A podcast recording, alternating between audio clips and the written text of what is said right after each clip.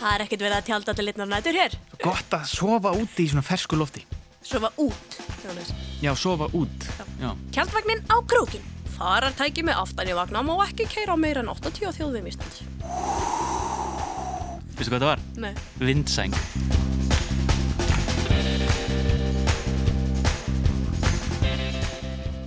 Komiði sæl og verið velkomin í fjölskyldu og ferðaþáttin Hvar eru við núna? Í þessum þáttum förum við yfir holt og hæðir, fræðumst um náttúruperlur með aðstóð ungra sérfræðinga og heimamanna, ferðumst fótgangandi, klifrandi, siglandi með veiðistöng, sofum í tjaldi og upplifum landið á ólíkan hátt.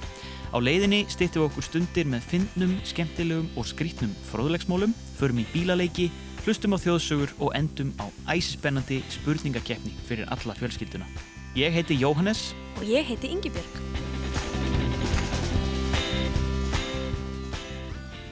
Ingi Björg. Já. Hvar erum við núna? Við erum í tjaldi. Já, ég sé það, en hvað er tjaldið? Já, opnaði bara. Já, Við erum á tjaldstæðinu í Allavík. Það er langt best að tjalda á tjaldsvæðum, sko. Einmitt. Það er klósett aðstæða og hægt að komast í ramagn og alls svona nútíma þægindi, skilja. já. Svo eru alls konar leiðir til þess að fara í útilegur. Það er að fara með tjald, tjaldvagn, fellihísi, hjólhísi, húsbíl og hvað þetta heitir allt saman. Býtu, hver er munurinn á þessu alls saman? Ég reyndar ekki alveg viss. En ég veit um systur sem eru algjöru sérfræðingri í þessu. Við skulum bara fá þær til að útskýra þess.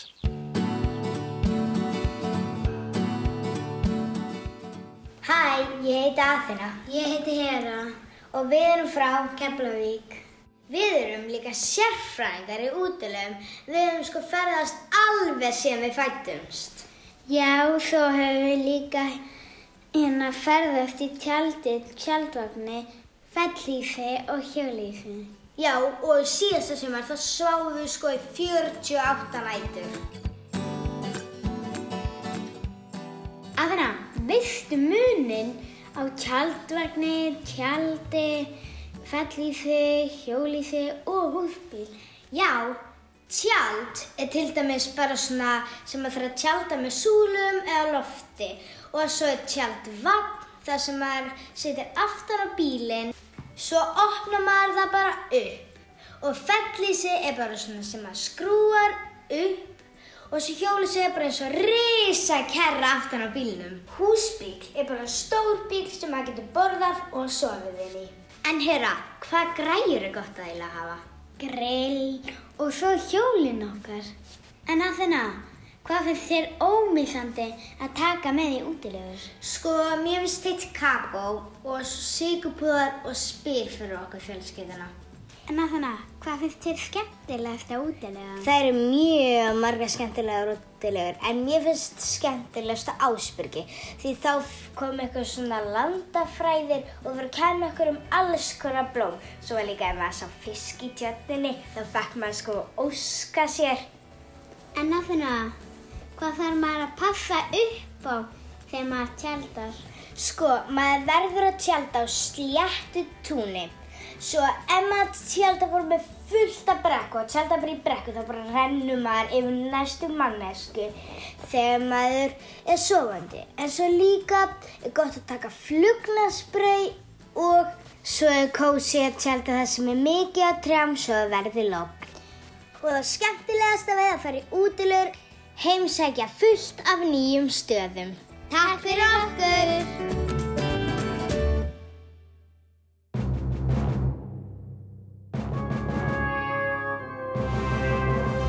Baráttan í tjaldbúðunum við Fossár Foss.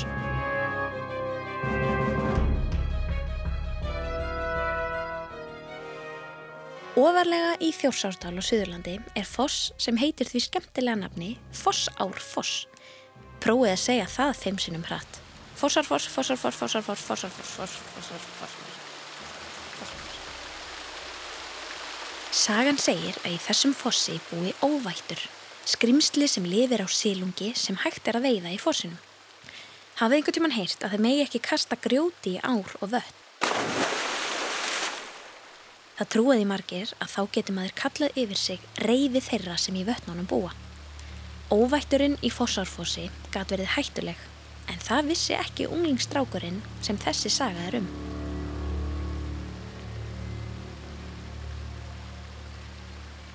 Einu sinni voru nokkrir ferðamenn saman í Þjórsárdal. Eftir langan dag á ferðalagi tjaldaði fólkið upp við Fossárfoss. Með í hópnum var úlingstrákur sem við skulum kalla Gunnar. Þegar tjöldin voru komin upp og verið vera elda kvöldmatinn fór Gunnar niður á fossinum og leik sér að því að kasta grjóti í fossin og ána. Nóttin eftir, þegar Gunnar og ferðarfélagar hans voru í fasta svefni í tjaldinu sínu, lættist óvætturinn upp að tjaldinu, greip í fætunar á Gunnari og reynda hann út. Sem betur fer vöknuði félagar hans líka og gáttu gripið í hendunar á honum. Reipitóið millir skrimslis og ferðamanna gekk í dágóða stund. Tjaldið hristist og skalf. Eftir mikil átök slefti skrimslið tökunum og fór leiðar sinnar. En Gunnar lág slasaður í heilan mánuð eftir þessar misthermingar. Og eftir þetta hendi hann aldrei grjóti í ár eða vötn.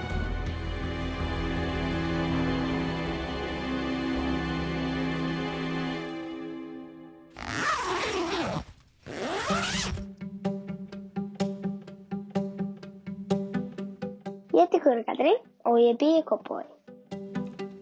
Það sem að teka með sér er dýnur, tjald, söppóka, maður þarf ofta að taka prímus, að grill, mat, það er líka mjög gott.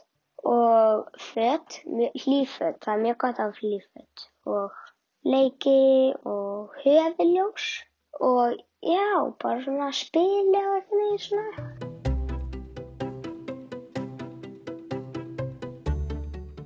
Hádegismatur, já það er nú bara svona brauði eitthvað með þannig. Og kvöldmaturinn, það stundum, þá fáum við pulsupasta.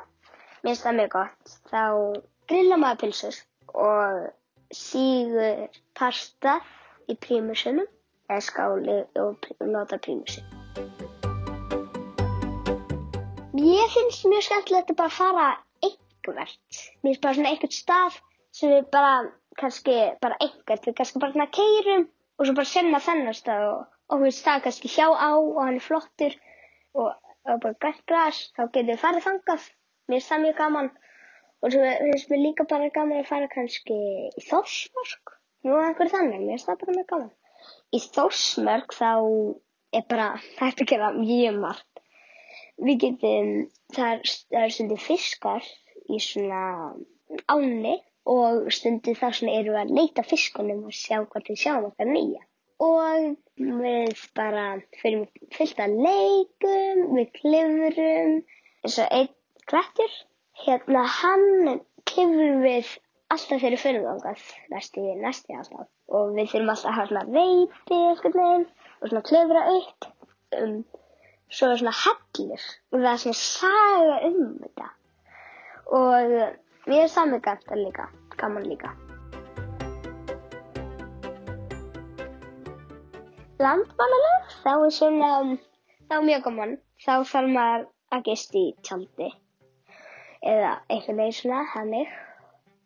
Um, þá er svona, uh, svona á, eða svona vatn, mjög heitt, laug, svona náttúrulaug. Það er mjög gaman að vera í henni. Mér finnst það bara svona, hún er svona, hún er svona hlýstundum og bara svona skemmtilegt að vera í henni, þá skiljið þannig.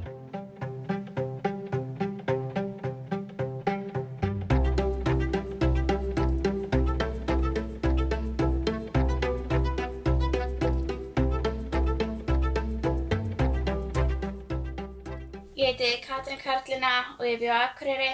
Ég ætla að segja ykkur frá útilegum og tjöldum. Þegar þú fær í útilegur er mjög gott að vera með ullanarföt og það er líka gott að vera með góðan sveppoka. Ég mæli ekki með því að vera í bómullarfötum. Þá er nefnilega svolítið líklegt þegar það verður svolítið kallt um nóttina. Munurinn á því að í tjaldi, húsbíl, fellísi eða tjaldvagni er held ég sá að kannski að þú gistir í tjaldvagni finnur þú kannski ekki jafn mikið fyrir steinunum á jörðinni og finnur fyrir tjaldi eða í húsbíl þá náttúrulega finnur þú ekki jafn mikið fyrir vindunum eða kuldanum. Ég held samt að mesti munur á þessu öllu er bara þægindin eins og sofa kannski í fínu rúmi í húsbíl en á þunru dínu út í tjaldi. Það er ekki jafn þægilegt kannski. Það sem mér finnst best við að sofa í tjaldi er ferska loftið og bara vera út í náttúrunni. Það er til e-mails tjöld, til dæmis sprettitjöld, tjöld með mörgum herbergjum, einsmannstjöld. Það er líka til eitthvað sem kallast bívak sem er bara einhvers konar skjóla eitthvað þann, einhvers konar þannig með ekki neina botni og er bara fyrir einn. Um, það er líka til gungutjöld, síðan líka til svona drasttjöld úr Kids Cool Shop. Það sem mér finnst skemmtilegast við útilegur er bara að vera út í náttúrunni og í byrtu frá sjónvarpi eða fleiri tækjum. Líka það bara eða tíma með fjölskyldinu og eða vinum. Um, maður þarf að passa sig á því að kveiki ekki í neinu þegar maður er að elda út í náttúrunni í útilegunum og bara bera á sér sólavörð því að það er ekki gott að brenna. Það er sérstaklega gott að bera á sér sólavörð þegar maður er að tjálta á veturnar þegar það er snjór.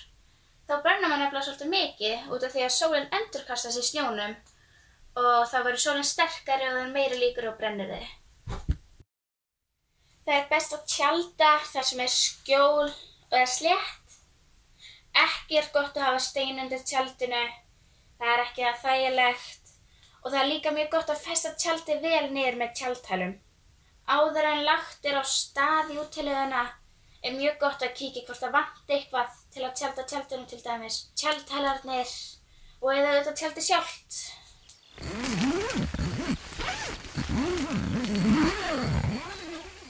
Já, tjaldhælar. Jói, eru við ekki örgulega með svoleiðis? Ég heldur sem um tjaldtala, við erum allavega með tjaldið. Já. Við skulum bara fara yfir þetta, við erum með uh, Við erum með söpboka, vindsængur, Við erum með prímusinn, kælubóksi, já, tjaldstólana voru við ekki með þá, jú, uh, eldhúsáhöldin, með sóp til að sópa tjaldið, dínur, ramagsnúru ullapeysu mm og föðlandi. Já, Svo veist mér best að sofa með húu. Ah, ég glemdi, glemdi kottanum.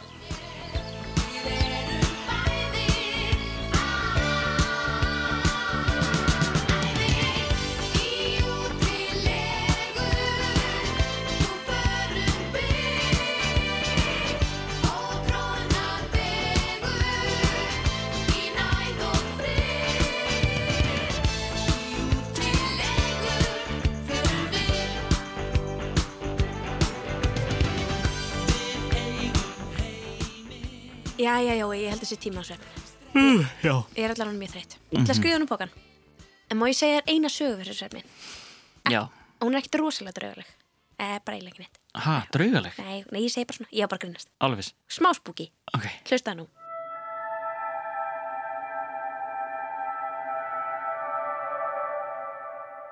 Brynjólfur biskup frelsar konu frá álfum. Brynjólfur Sveinsson var biskup í Skálholti á 17. öld og var einn helsti leiðtogi Íslands á sínum tíma. Hann var talinn svo merkilegur að hann var settur á þúsund krónu seðlun okkar. Prófaði að kíkja næst þegar þið fáið slíkan í hendunar. Einu sinni var Brynjólfur biskup á ferðum biskupstæmi sitt. Hann hafði með sér fylgdarfólk og eina þjónustustúlku eins og höfðingja var siður á þeim tíma. Með í för var einnig maður sem var svo stór og sterkur að hann gekk undir nafninu Jón Trölli. Á ferðalagi sínu stoppuðu þau upp á heiði og kvíldust. Þar var tjaldað og um kvöldið fóru menn að sofa. Snemmaði morgunin vaknaði biskup, vakti þjónustu menn sína og sagði að hann heldi að stúlkan veri horfin, að hún hafi verið heitluð burt af álfum.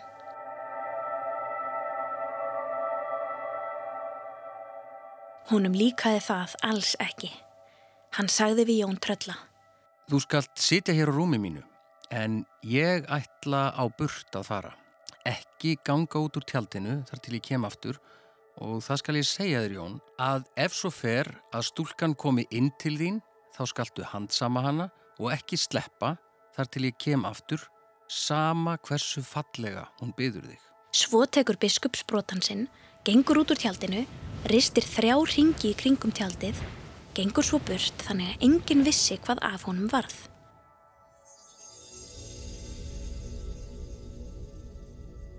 Þegar góð stund var liðin, sjá þeir hvar stúlkan kemur hlaupandi og er skólaus á báðum fótum. Hún hleypur inn í tjaldið og beint að rúmi biskups, eins og hún ætla að sækja eitthvað þangað. Þar stoppar Jón trölli hana, tekur utanum hana og heldur henni fastri. Hún brýst um og hlustar ekki þó að Jón segja að hún þurfa að vera kyrr, Það þýðir ekkert að byggja fallega, saði Jón. því þú farið ekki að fara neitt. Jón átti fullt í fangi með stelpuna og í sömu andrá sáu þeir að tólf menn koma ríðandi í átt að tjaldbúðunum.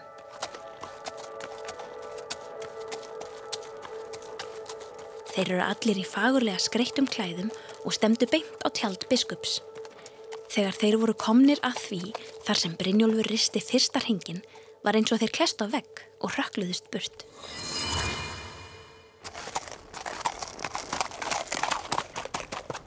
Þeir riðu svo á harðaspretti út í buskan. Eftir þetta kom biskup aftur og let setja stúlkuna í bönd því hún var alveg trillt. Þegar nokkur stund var liðin og flokkurinn hugðist halda aftur af stað, hafði stúlkan róast og komst hægt og rólega aftur til sjálfurars sín. Þá sagði hún, Þegar ég var sopnuð kom til mín maður og liti mig út úr tjaldinu. Vissi ekki af mér fyrir en ég var komin upp á hól þar sem margt fólk var saman komið. Var ég látin fara í hóp kvennfólks sem var að sinna handavinnu, átti ég að fara upp í rúm og spinna hör. En þegar biskup kom og sendi mig aftur í tjaldið, hafði ég ekki tíma til að binda á mig skóna, því hann kallaði svo ákvæft á mig að fara aftur tilbaka. Svo sagði hún ekki meir um vist sína hjá álfanum. Brynjólfur biskup var talinn fróðastur manna um huldufólk og aðra ósýnilega jarðarbúa sem kom sér vel fyrir stúlkuna í þetta sinn.